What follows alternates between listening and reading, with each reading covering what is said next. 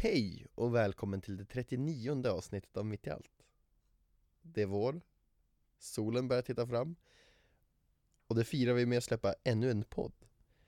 I veckan med Kajsa Gider som delar med sig av sin berättelse. Vi finns som vanligt på hashtaggen mitt i allt och vill man kontakta oss så går det att mejla till umia.mittiallt svenskakyrkan.se Ha det gött! Slow down, you move too fast. You got to make the morning last. Just kicking down the cobblestones, looking for fun and feeling groovy.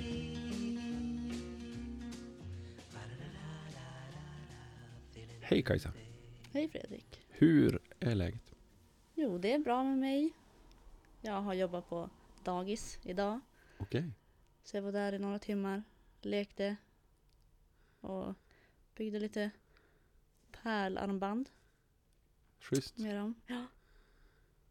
Det var roligt. Det kan jag tänka mig. Ja.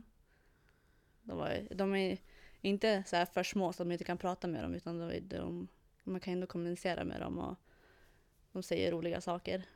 Fast de förstår inte själva att det är kul utan man kan själv skratta till dem. Utan det, de tycker det låter helt logiskt. Ja, det är klart det gör. Det var en som sa att han skulle viska till julafton nu. Bara apropå ingenting nästan. Då skulle han viska till julafton. Ja. ja. Det får han jobba på. ja. Nej, det är roligt. Mm, jag kan tänka mig det. Ja. Det är det du gör på dagarna? ja, jag har ganska nyligen börjat med att vara vikarie. Ja. Så Ja, att, du springvickar i typ... ja, jag, då, man kan jobba egentligen hur mycket man vill. Det är upp till en själv. För att Okej. de behöver väldigt mycket vikarier på förskolor. Okej. Mm. Far du runt på många eller du, håller du dig till en? Ja, just nu är jag på en. Men man kan åka runt på olika. För det är liksom hela Umeå. Mm. Så man kan vara i Holmsund eller Sävar eller i stan så också. Schysst. Mm. Eh, är, det, är det någon del av din plan? Kommer förskola att vara din arbetsplats i framtiden? Nej, utan det är mer förebyggande lite inför vad jag vill göra. För att jag skulle ha lite planer på att vara au pair. Nej. Åh! Ja. Nå, i, i, jag vet inte riktigt när eller utan ganska inom en ganska snar framtid. Typ i höst eller så? Ja, Innan dess till och med? nej inte innan dess tror jag. Ja. Men i höst eller i, om ett år. Okej. Ja. Schysst. Ja. Hur har du eh, hamnat på det spåret? ja, jag vet faktiskt inte riktigt utan det har som bara varit något jag velat göra en ganska lång tid. Så. Och jag, eller jag har som alltid tänkt USA för att det som känns som American dream. Ja. Så att vara där och jobba och uppleva kulturen. Mm. Så att jag hoppas att jag kan ordna det. Eh, Det låter ju som ett eh, som en rätt bra väg att gå. Ja, jag tycker det. Jag tycker ju om att vara med barn. Eh, Det är delvis därför också som jag känner att jag tror det skulle passa mig. Mm. Att det känns som en väldigt mysig grej och lärorik att få vara i en familj och ta hand om barnen och få se hur deras liv är. Och få vara med och hjälpa till och följa med. Och, Men au pair, då bor man med familjen? ja, då typ. tar man hand om en familjs barn. Inneboende barnflicka typ? Ja. Så hjälper man till hemma. Lagar mat till barnen och när föräldrarna är borta och hämtar dem från skolan. Hjälper till lite hemma i huset också. Känns som det finns mycket tillfällen att lära där. Mm, jo, jag känner det också. Mm. Det skulle vara, och speciellt också eftersom jag vet, jag vet att jag vill plugga vidare men jag vet inte när Mm. eller vad. Mm. Så att då känns det som en, att få lite livserfarenhet. Mm. Och då kanske genom det få reda på, eller ett hum om vad man vill göra. Mm. Känns som ett bra sätt att komma ut och se lite av världen också. Ja, Alltså det här med att resa är ju sjukt eh, jo, inne. absolut. Eh, Jo. Det kan bli lite billigare i alla fall än att Ja. resa själv. Ja. Eller, Och det blir en ny upplevelse att vara borta i några månader. Det mm. har man ju inte varit förut. Nej. Au pair, Och Per var vi på resa. resa. Eh, jo, eh, det jag tänker på. Eh, du jobbar på förskolan nu. Mm. Eh, och Per. Eh, du trivs att hänga med barn. Ja. Eh, anar jag en karriär?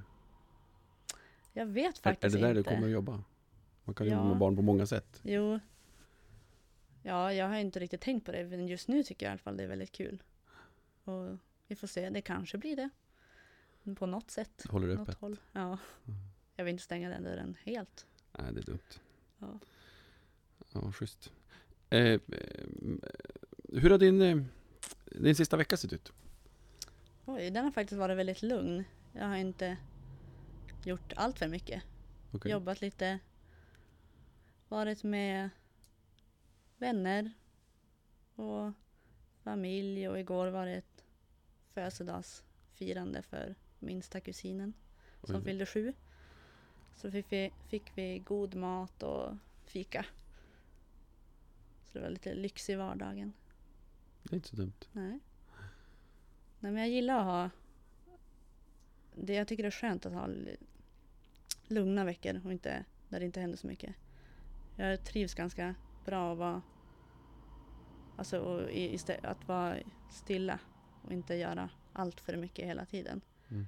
Det är kul att alltså vara igång till en viss tid eller en Mm. viss period så. Som nu på dagis är det Mm. jättekul att springa runt och så. Men jag uppskattar tiden, lugna tiden när man, ja, men antingen bara ser på tv hemma med familjen eller inne på rummet med datorn. Mm. Och så vara själv. Mm. Det tycker jag om. Vad är- är det som gör den tiden viktig?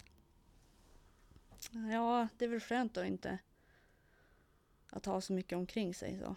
Utan man kan, ja men en tid att landa om, det, om man har fått intryck under dagen eller liksom bara få tid för sig själv. För man är ju med så mycket människor hela tiden. Mm. Annars och då uppskattar jag verkligen de stunderna där man kan vara själv och göra vad man vill. Är du en sån här funderare? Som Ja. tar den tiden till att processa? Jo, ibland händer det ju. Men jag tycker det händer mest, oftast på kvällen. Då kommer ju den tiden när man funderar över livet, stora frågor och så. Mm. Men det jag tycker är lite svårt att tänka på sånt för lite större frågor. Mm. För att det är så svårt att greppa eller veta typ vad man ska göra om fem år eller så. Mm. Det är svårt att veta och då tar jag lite avstånd från dem istället och lever i nuet. Det är såklart ganska skönt. Ja. Kan du, kan du eh, en sån process, sån, kan du dela med dig av någon, någon sån tankeprocess?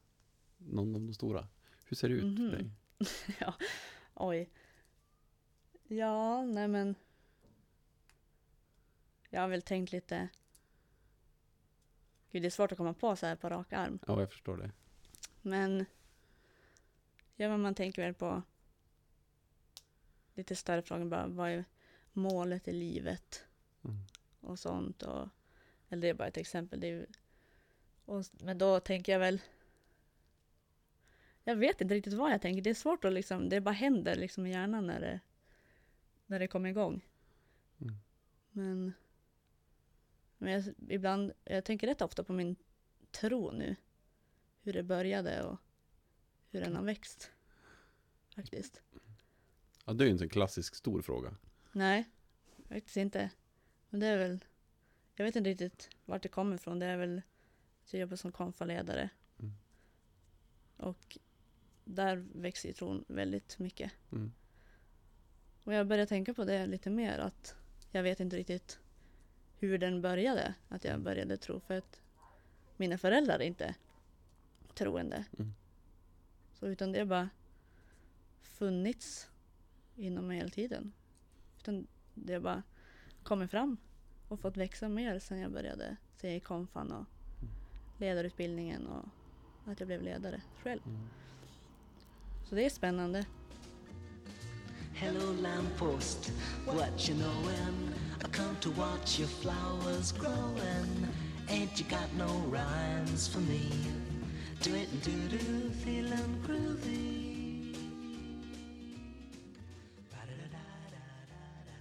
Det blev smashläge här. Eh, Vi har ju en tradition med ärvda frågor. Mm. Det vill säga en fråga från förra gästen som du Ja. ska få svara på. Eh, Och eh, din fråga handlar precis om det där. Jaha. Eh, Spännande. Nämligen. Eh, ett ämne som ofta kommer upp i, i våran podd. Eh, frågan är helt enkelt. Eh, vad bär du med dig mest från din konfa? Mhm. Ja. Jag bär med mig mycket saker. Det hände ju. Det var ju en tid som det hände väldigt mycket inom en. Man tog upp. Man kom i kontakt med sig själv på ett helt annat sätt än vad man gjort innan. Mm. Man är ju 14-15 år. Och då tänker man ju inte liksom, eller jag gjorde inte det. Tänkte inte så mycket på livsfrågor som kärlek och döden och sådana där saker. Utan det var, det var häftigt att det var en plats att få växa. Och få lära känna sig själv och vad andra tycker och tänker. Mm. Och samtidigt att utöver det få liksom börja känna den där gemenskapen som hände på ett konfaläger. Och få en del av det. Det var, det var en häftig upplevelse. Inte något som jag var med om någon gång innan konfan.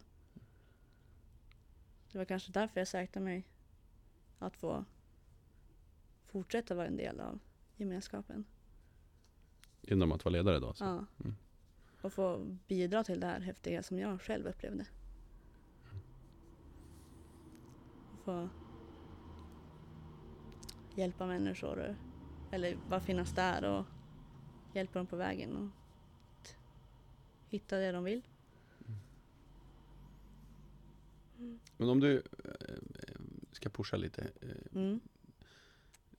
Om du, om du liksom ser tillbaka på din konfa, vad, vad, vad, blir, vad blir starkast? Det du, det du liksom Mm. ser eller känner? Eller tänker? Det är mycket som kommer upp. Men ehm,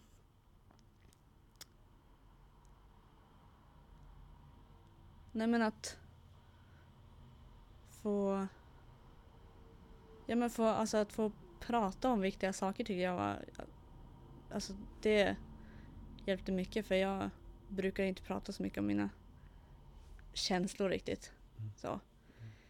Utan att få göra det då. Mm. Att få komma, alltså, komma i kontakt med sig själv. På ett helt annat sätt. Men egentligen det som efter konfan som man alltså uppskattar det mer. För där så var man ju i en liten bubbla och allt var bara jättekul. Och sen efter har man insett hur mycket hur den betydde. Den betydde mycket för mig. För den var början på nå en väldigt bra del av mitt liv. Att vara, gå ledarutbildning och vara konfoledare.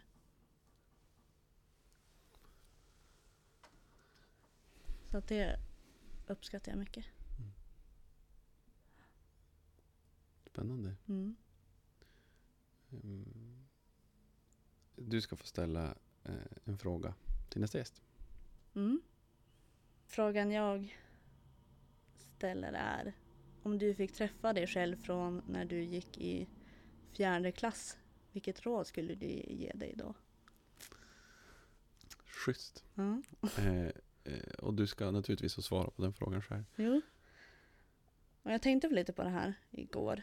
Mm. Och då jag skulle säga till mig själv att inte oroa mig så mycket. Inte, inte bry mig om riktigt vad andra tycker och tänker. Utan försöka att liksom tänka efter själv vad, vad jag känner. Mm. Vad jag vill göra. Innan man kanske följer efter grupptryck Mm. och så. Utan att liksom finnas och tänka på sig själv i första hand. Mm. Var det något du inte gjorde? Ja, det tror jag. Jag tror att jag var en... Att jag gärna ville göra det andra ville. Mm.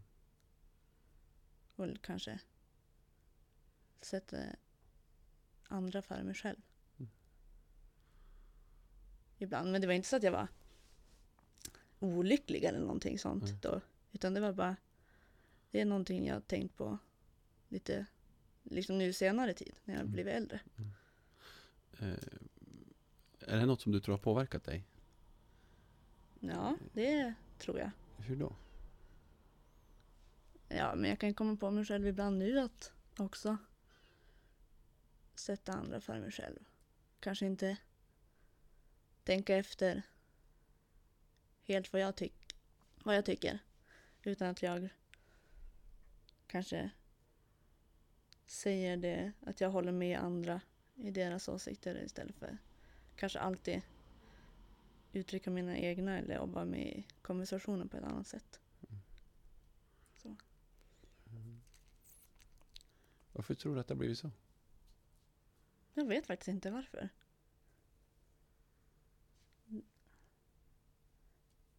Jag vet inte riktigt. Jag ville, en- eller när jag var mindre så ville jag passa in. Och så. Och vara kanske en av de coola. Såklart. Ja, Men- som man brukar vilja vara. Ja, det vill, det vill man. Mm. Så att därför gjorde jag väl lite vad andra ville göra då. Mm.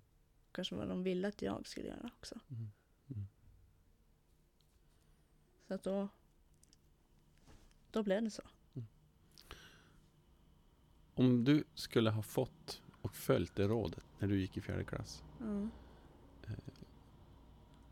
Svårt att spekulera naturligtvis. Men, Ja. men om du skulle ha fått och följt det rådet när du gick i fjärde klass. Vad skulle ha varit annorlunda? Jag tror jag skulle vara trygg i mig själv mer.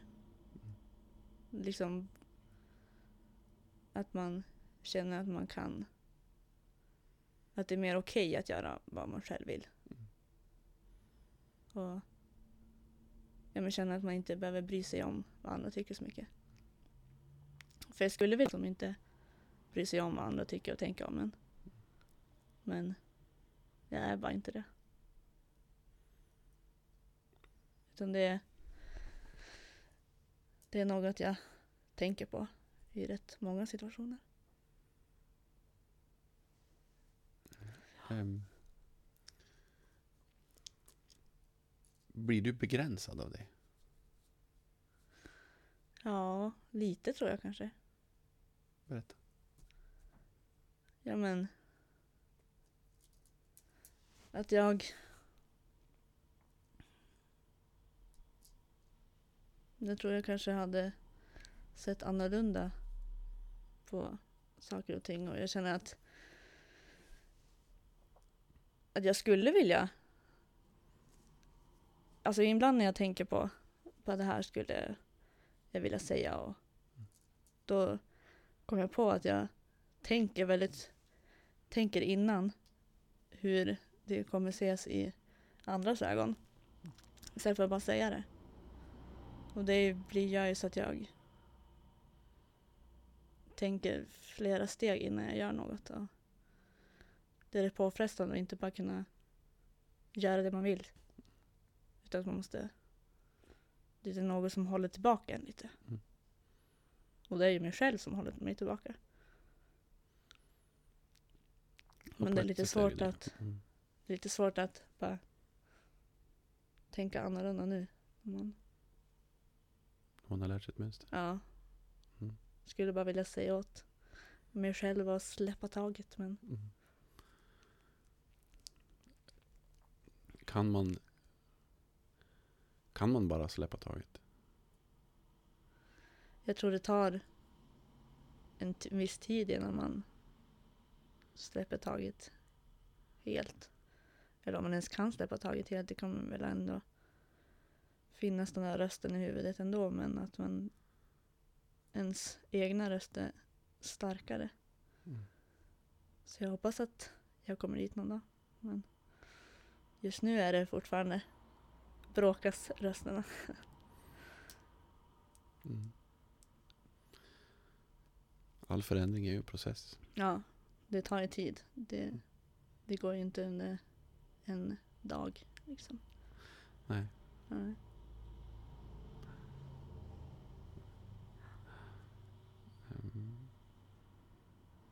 Det är också att jag inte alltid känner mig bekväm inför att stå och prata inför folk. Mm. Men det är också en grej jag tycker är häftigt med när jag är ledare, att då känns det mer naturligt när jag står inför konfagruppen och pratar. Mm. Då är jag inte nervös på samma sätt som jag skulle ha varit kanske om jag skulle ha en redovisning i skolan. Så det, det tycker jag är lite häftigt att det är så.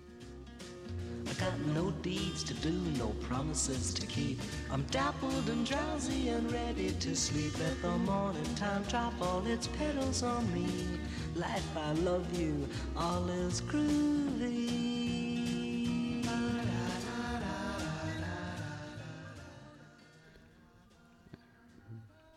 Hur är du som ledare? Ja. Det är häftigt för man märker att man växer mer och mer för varje år. Om jag ser tillbaka på mitt första år så var jag ju väldigt osäker. Och visste inte riktigt. Jag hade aldrig varit, liksom haft den rollen på ett läger. Och, men nu så känner jag ändå att jag ändå är mer bekväm med att ta om man ska latcha och vara lite tokig så på. Det känns mer naturligt och nu än vad det gjorde första året. Och att stå inför folk. Och, eller inför konfirmanderna och prata och att ha lite mer seriösa samtal med dem under temapassen och så. Så jag tror ändå att jag är en ledare som är ganska trygg och att de kan känna att de kan prata om de vill. Och jag, fast jag är ändå, jag är inte en ledare som är helt bara spexig så, utan jag är också en som jag har inget problem med att hålla mig lite i bakgrunden så. Och då när jag, då kan jag se lite, då är jag mer uppmärksam på kanske de tysta konfirmanderna som inte som kanske står lite utanför. Och få dem att känna sig som en i gänget. Men jag tror att man, aldrig, man blir aldrig en färdig ledare utan man växer hela tiden. Och lär sig nya erfarenheter och vad man vill sträva efter och vara som ledare så kan man jobba på det.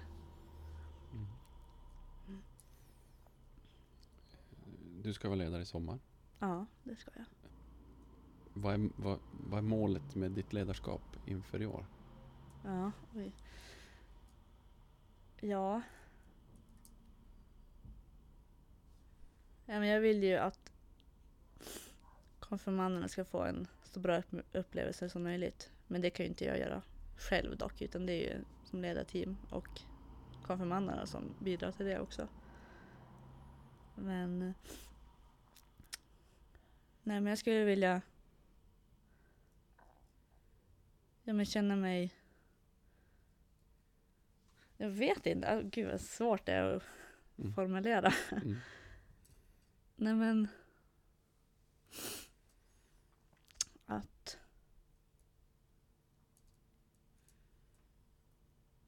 Ja, eller i år är det lite annorlunda för då får jag lite mer ansvar och är lite mer delaktig i att planera passen. Mm.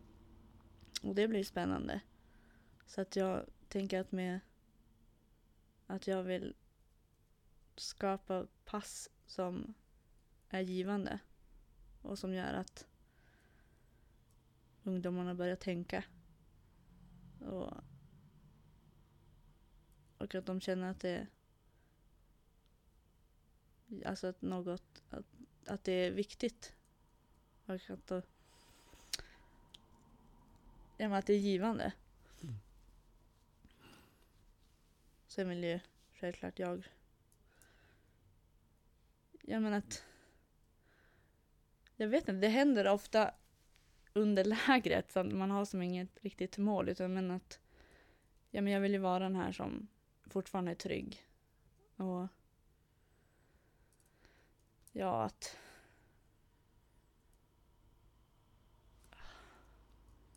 det var svårt. Ledarskap är svårt. Ja, det är svårt att sätta fingret på.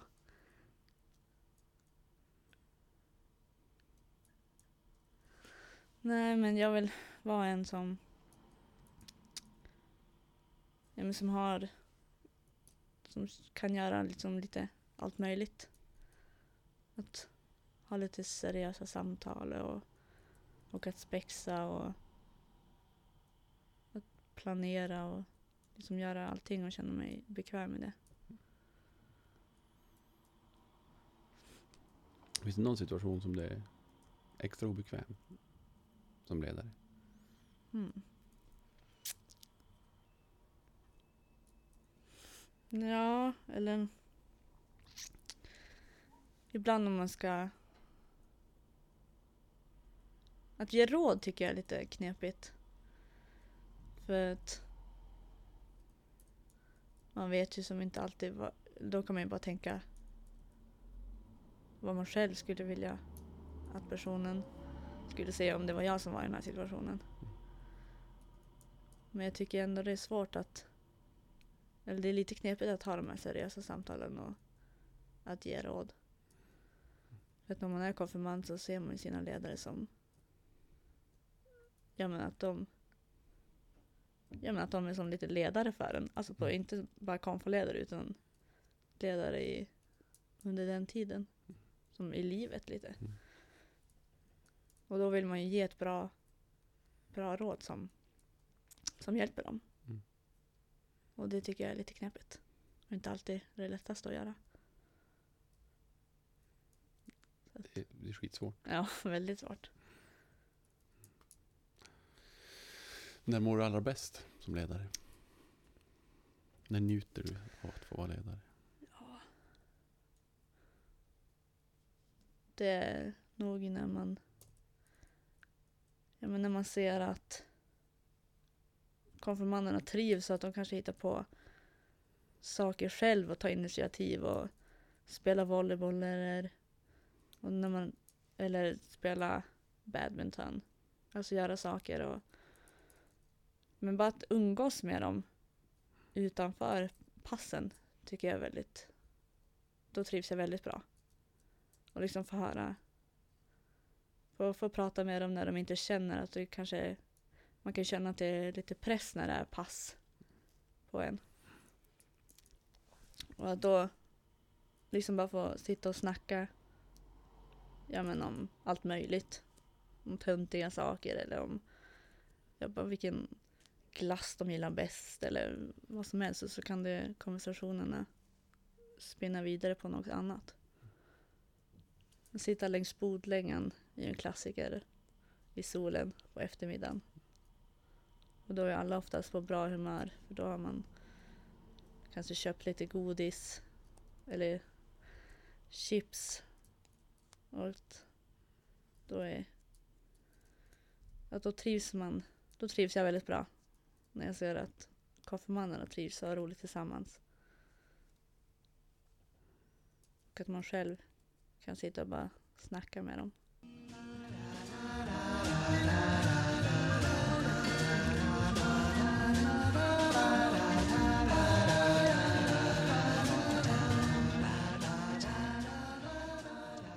Jag hoppar tillbaka till en sak som du bara nämnde i förbifarten. Mm. Eh, Du sa att du, du är inte så bra på att prata om känslor.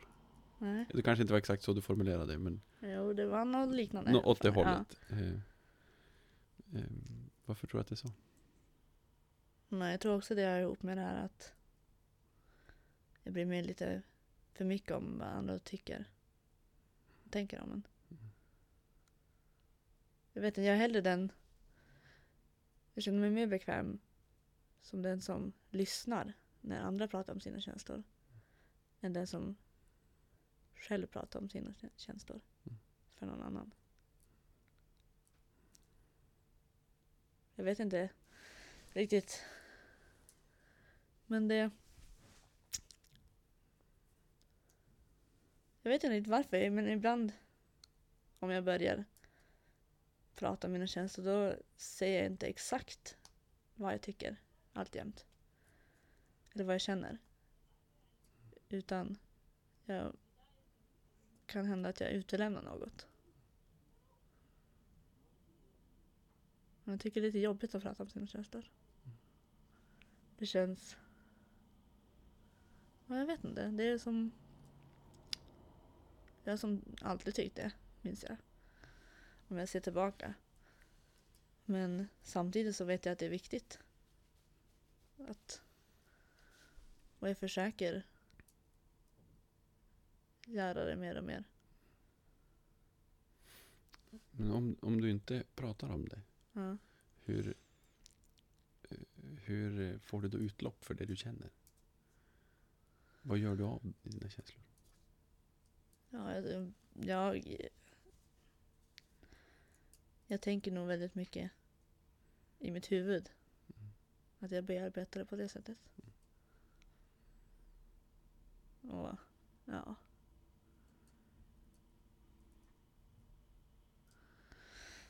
Så det är nog på den vägen jag Mm. får ut det. Men det är inte så att jag... Jag brukar inte gå och älta något länge. Mm. Så, utan det är som inget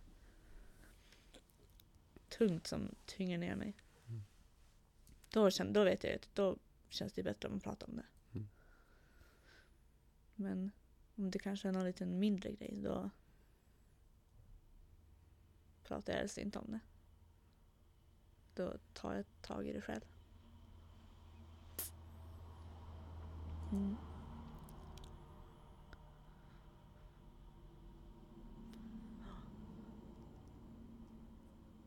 Det viktiga är att det funkar. Ja. Eh, när är du lycklig Kajsa? Mm. Ja. När jag är med, runt människor jag tycker om, då mår jag väldigt bra. Att få bara vara i deras närhet. Då trivs jag väldigt bra. Och Ja, men min familj betyder mycket för mig. Så att när jag är med dem så då mår jag bra. Speciellt min syster har jag väldigt kul med. Och betyder mycket för mig.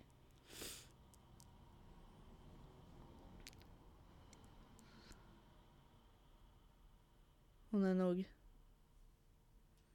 den som jag blir lite känslosam här. Okej. Okay.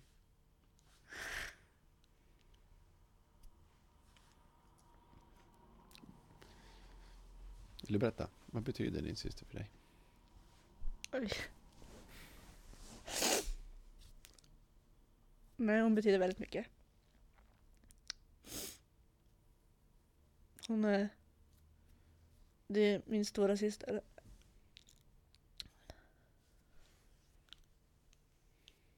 Gud, jag tar mig lite överraskad. Ja, det är helt okej. Jag blir starkt berörd. Nej, men jag vet inte om hon inser hur mycket hon betyder för mig. För jag litar verkligen på henne. Och, eller förlitar mig på henne mest av, mest av alla. Hon betyder mest för... Betyder verkligen allt för mig. Och jag kommer verkligen till henne med råd om allt. Om det gäller skolan eller Ja, jag pratade med henne innan jag skulle spela in den här podden också. Vad man kan tänka på och sånt. Mm. Ibland pratar eller ibland tycker hon jag är töntig när jag kommer till henne med fråga om något barnsligt. Men Ja. Nej, jag... Jag hoppas... Ibland kan jag tänka att hon kanske... Eller ibland så känns det kanske som att jag tar henne för givet. Vilket är tråkigt. Jag kanske inte... Eller om hon bjuder in mig till sin lägenhet så kanske inte alltid bara nej jag orkar inte nu eller Ja, men sådana där saker, att jag kanske inte alltid visar min uppskattning. Men och man märkte verkligen nu förra året när hon, när hon var borta och reste i Asien i tre månader. Hur, hur mycket hon betyder för mig. För att vi har aldrig varit från varandra så länge. Mm. Så det var en det var jobbigt. Mm. Men att inte få prata med henne när man ville. Och, Mm. Eller att hon var bara in, runt om en. Hon har alltid varit mitt största stöd. Det som alltid varit vi två mot världen kan man säga. Som bott med henne hela mitt liv. För våra föräldrar skilde, oss, skilde sig när de var, eller när vi var ganska små. Mm. Så då har jag som alltid haft henne när jag så jag varit med Mimmi hela tiden liksom. För vi bytte vecka mellan mamma och pappa. Mm. Sen, ja, hon har som alltid funnits just i närheten av mig hela mitt liv. Men hon betyder väldigt, väldigt mycket för mig. Och hon är en... Hon... Jag tror att jag... Jag känner mig väldigt, alltså väldigt, väldigt bekväm med, med henne. Mm. Och då känns det... Jag pratar nog mest om mina känslor och så med henne. Och det är för att jag känner mig så pass bekväm. Mm. Jag vet att hon alltid lyssnar. Mm. Nej, Jag är väldigt lyckligt lottad att jag har henne i mitt liv. Mm. Jag sa också när jag var liten så sa jag när jag blir stor så vill jag bli stora syster. Och det var för att jag hade henne som stora syster som inspiration som gjorde att jag också ville bli det. Mm. För att hon var en sån bra. Mm. Och vi har bråkat väldigt lite. Okej. Så att det, vi är väldigt bra vänner. Nu är det väl bara, det är mest tjafs men inte så bråk. Mm. Men även om vi bråkade som små så gick det ändå över väldigt fort. Och sen blev vi vänner igen. Vi har alltid haft väldigt roligt ihop. Nu är det mer tjafs bara att du lånar mina kläder hela tiden. Men det går också över fort. Ja. Ja. Det är inte något som sitter kvar. Nej, så att hon är den som betyder mest för mig.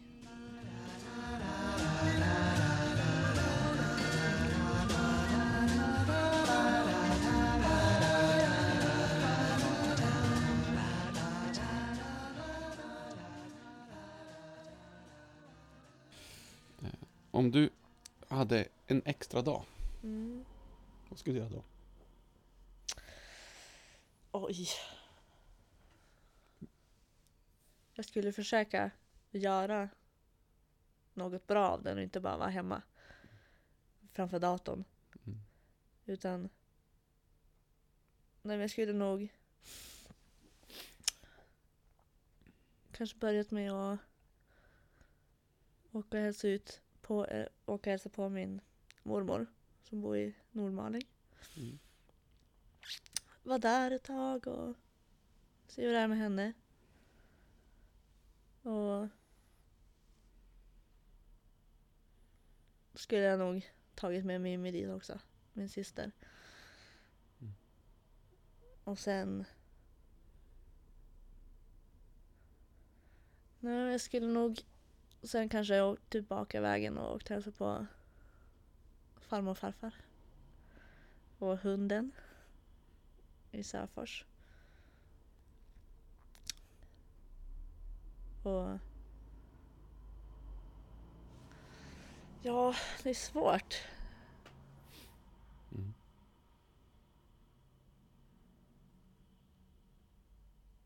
Eh, Och sen skulle jag... Jag skulle äta någon god lunch med, med mormor. Hon lagar ofta god mat. Det är väl en mormors jobb. Ja, vill alltid tvinga i en massa portioner. Mm. Nej, och sen skulle jag hängt med kompisar. Mm. Antingen hemma hos någon och äta något gott. Bakverk. Och det är typiskt häng i mitt kompisgäng. Bra fika. Ja. Det är centrum. Förutom gemenskapen och kärleken. Ja, ja. ja. Nej, och sen skulle jag kanske ta en promenad, gå längs älven, lyssna på någon bra musik. Och sen skulle jag ätit god middag med familjen. Och sen på kvällen kanske skulle sett bio eller spela något sällskapsspel. En mysig dag skulle det vara. Det är ju en dag Mm. som på alla sätt är möjlig. Ja. Som kanske till och med har hänt. Inte kanske helt och hållet i den ordningen. Men Nej. Nej, det känns... Eller, det känns när man får en sån fråga att det skulle... Att om man får chans att göra vad man vill, att man skulle kanske resa någonstans eller Mm. göra någon utflykt eller något. Men nej, det skulle, det skulle jag inte säga att mitt svar skulle vara. För att när jag triv, som jag sa tidigare så trivs jag. Så tycker, betyder min familj väldigt mycket. Så jag skulle bara vara väldigt nöjd med att få vara med dem. Om inte han sa, bara bara vara umgås och äta god mat. Vara med dem jag tycker om det är en bra extra dag. Ja. Vad brinner du för? Oj, ja.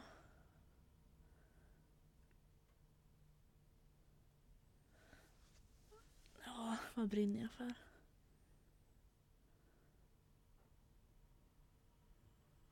Ja, jag skulle nog... Jämställdhet är något jag... Eller feminism. Mm. Som är något jag tycker är otroligt viktigt och som borde vara mer uppmärksammat än vad det är idag. Mm. Och det är inte så att jag säger inte att jag liksom är jätteaktiv och, i, och man kanske skriver på Facebook eller delar klipp och så. Men det är något jag känner väldigt starkt för och om jag ser någon om jag ser något som, någon som har skrivit något tokigt angående kvinnors rättigheter och då känner jag att jag blir, att jag blir arg. För att så ska det inte vara. Gör du något av den ilskan? Använder du den? Ja, jag brukar, eller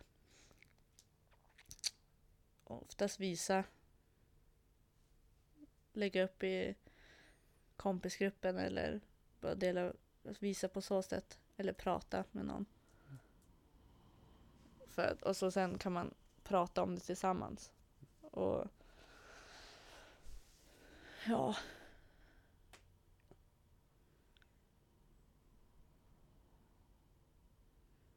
Men jag känner att det är främst på konfaläger så är det något jag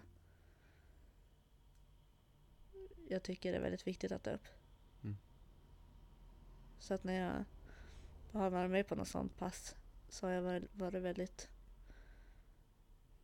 mån om att de ska liksom få en tankeställare och liksom tänka efter. De ska öppna sina ögon lite Mm. om de inte redan har gjort det. Mm. Utan verkligen påpekat hur eh, hur det ser ut. Mm. Ja, samhället. Vad är det Vad är det största problemet i jämställdhetsarbetet? I dina ögon? Ja, men det är väl att man ser... Man ser... Har en dålig, väldigt dålig kvinnosyn. Att,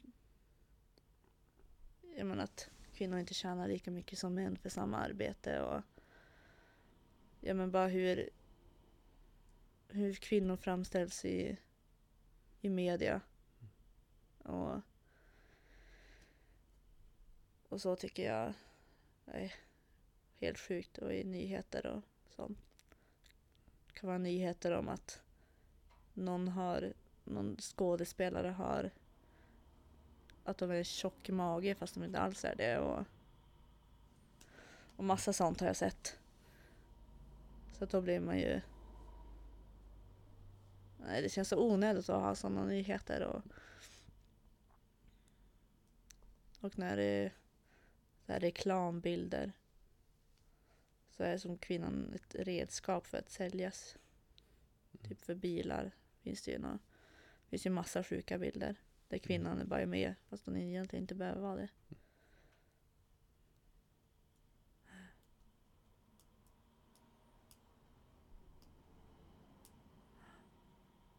Det är tråkigt att feminism har fått en negativ klang. Mm. Det är flera som säger att de inte vill se sig själva som feminister. Men de kan ju inte veta vad det ordet betyder.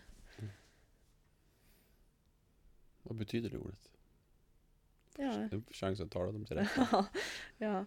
Nej men att det ska vara att män och kvinnors jämst... Eller vad heter det? Nu har jag tappat ordet. Rättigheter ska vara lika.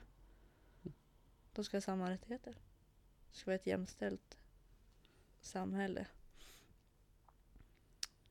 Det känns ju självklart. Ja, jag tycker det. Man, och det är så sjukt att det inte är så i så mångas ögon. Ja, det är det faktiskt. Ja. Helt sjukt. Tack så jättemycket Kajsa. För att du kom hit och delade, delade din story. Eh, verkligen. Eh, tack. Eh, och du ska såklart få välja en avslutande låt till det här Ja. avsnittet. Vilken och varför? En midsommarnattsdröm av Håkan Hellström har jag valt. Och jag satt och tänkte mycket på vilken låt jag skulle Mm. välja. Men det blev den för att jag har bara bra minnen kopplade till den låten. Men det starkaste minnet är från studentflaket. När den spelades och alla, alla hoppade och var jätteglada och det var jättebra stämning. Så jag blir glad när jag, tänk, när jag, jag blir glad när jag lyssnar på den låten. Ja, nu var Evas hjärta sloga. Han var så var parken när